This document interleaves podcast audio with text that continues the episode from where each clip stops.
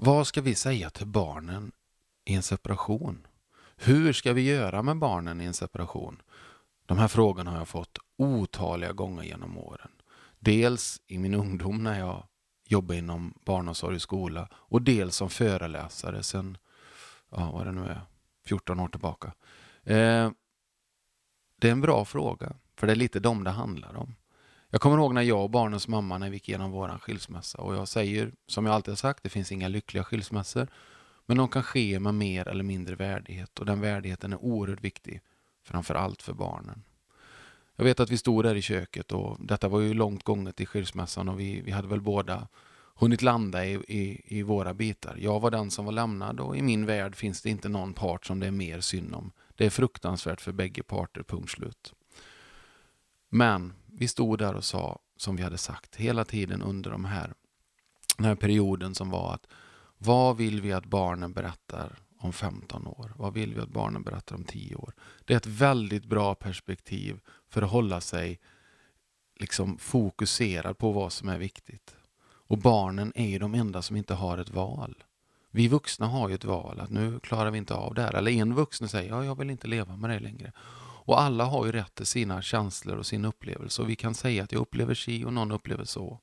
Desto tidigare vi förstår att vi kan prata så, desto bättre blir det.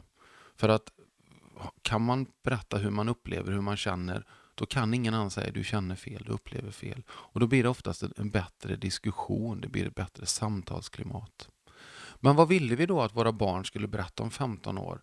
Ja, vi ville framför allt att våra barn aldrig ska höra någon förälder säga något nedsättande om någon andra. I min värld är mamman en helig person. Och jag kommer ihåg också när vi stod där och torkade några skåp på varsitt håll och vi pratade inte så mycket. Det, och så vet jag att hon sa att det handlar nog väldigt mycket om att förstå och älska varandra på ett nytt sätt. Det var bland det vackraste jag har hört faktiskt. För jag behöver inte känna henne mer, men hon är barnens mamma och som barnens mamma känner jag henne och står bakom henne. Nu är det lätt för oss för vi är väldigt eniga om vad som är viktigt för barnen. Men vad gör vi då när vi inte är det? Ja, då tror jag det handlar om bland det viktigaste som finns, det är att skaffa bra rådgivare. Många, många, jag har sagt till många människor, det handlar inte om hur stor krisen är i ditt liv. Det är inte storleken på den som avgör hur du tar dig vidare. Det är kalibern på dina rådgivare. Så skaffa bra rådgivare. Jag kan inte ge ett mer viktigt tips. Skaffa bra rådgivare som ger dig bra verktyg, som håller dig fokuserad på när och var du ska säga vad. Många hävdar med bestämdhet att det är viktigt att säga sanningen. För vem är det viktigt undrar jag då? Sanningen kan väga väldigt mycket. Och är ett barn rätt person att bära tunga saker? Jag har sagt att säg sanningen men inga detaljer, eller väldigt få. Och välj en sanning och en vikt på den sanningen som barnet kan bära och framförallt som inte tvingar barnet att välja en sida.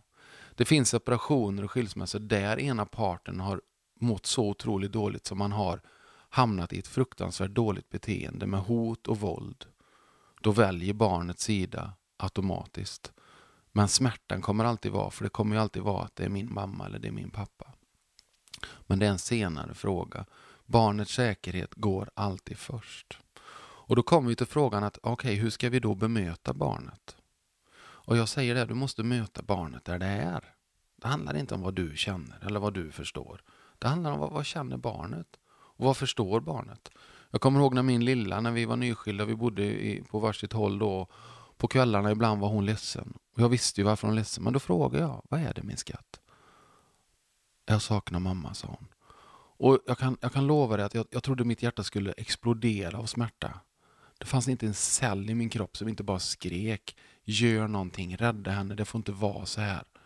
Men jag kan inte fixa någon quick fix, jag måste möta henne där det är. Så jag fick säga att jag förstår att du saknar din mamma. Det är klart du gör. Du har ju världens bästa mamma. Hon saknar dig med.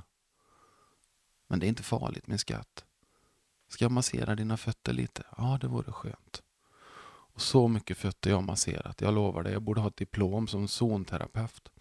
Men det är det vi kan göra. Vi kan möta barnet där det är. Vi kan inte lösa allting. Men vi kan skaffa oss bra rådgivare. Och framförallt, vi kan välja perspektiv. Vad vill vi att barnet vad barnen berättar om 15 år. Jag hoppas vi hörs snart igen. Ha det bra.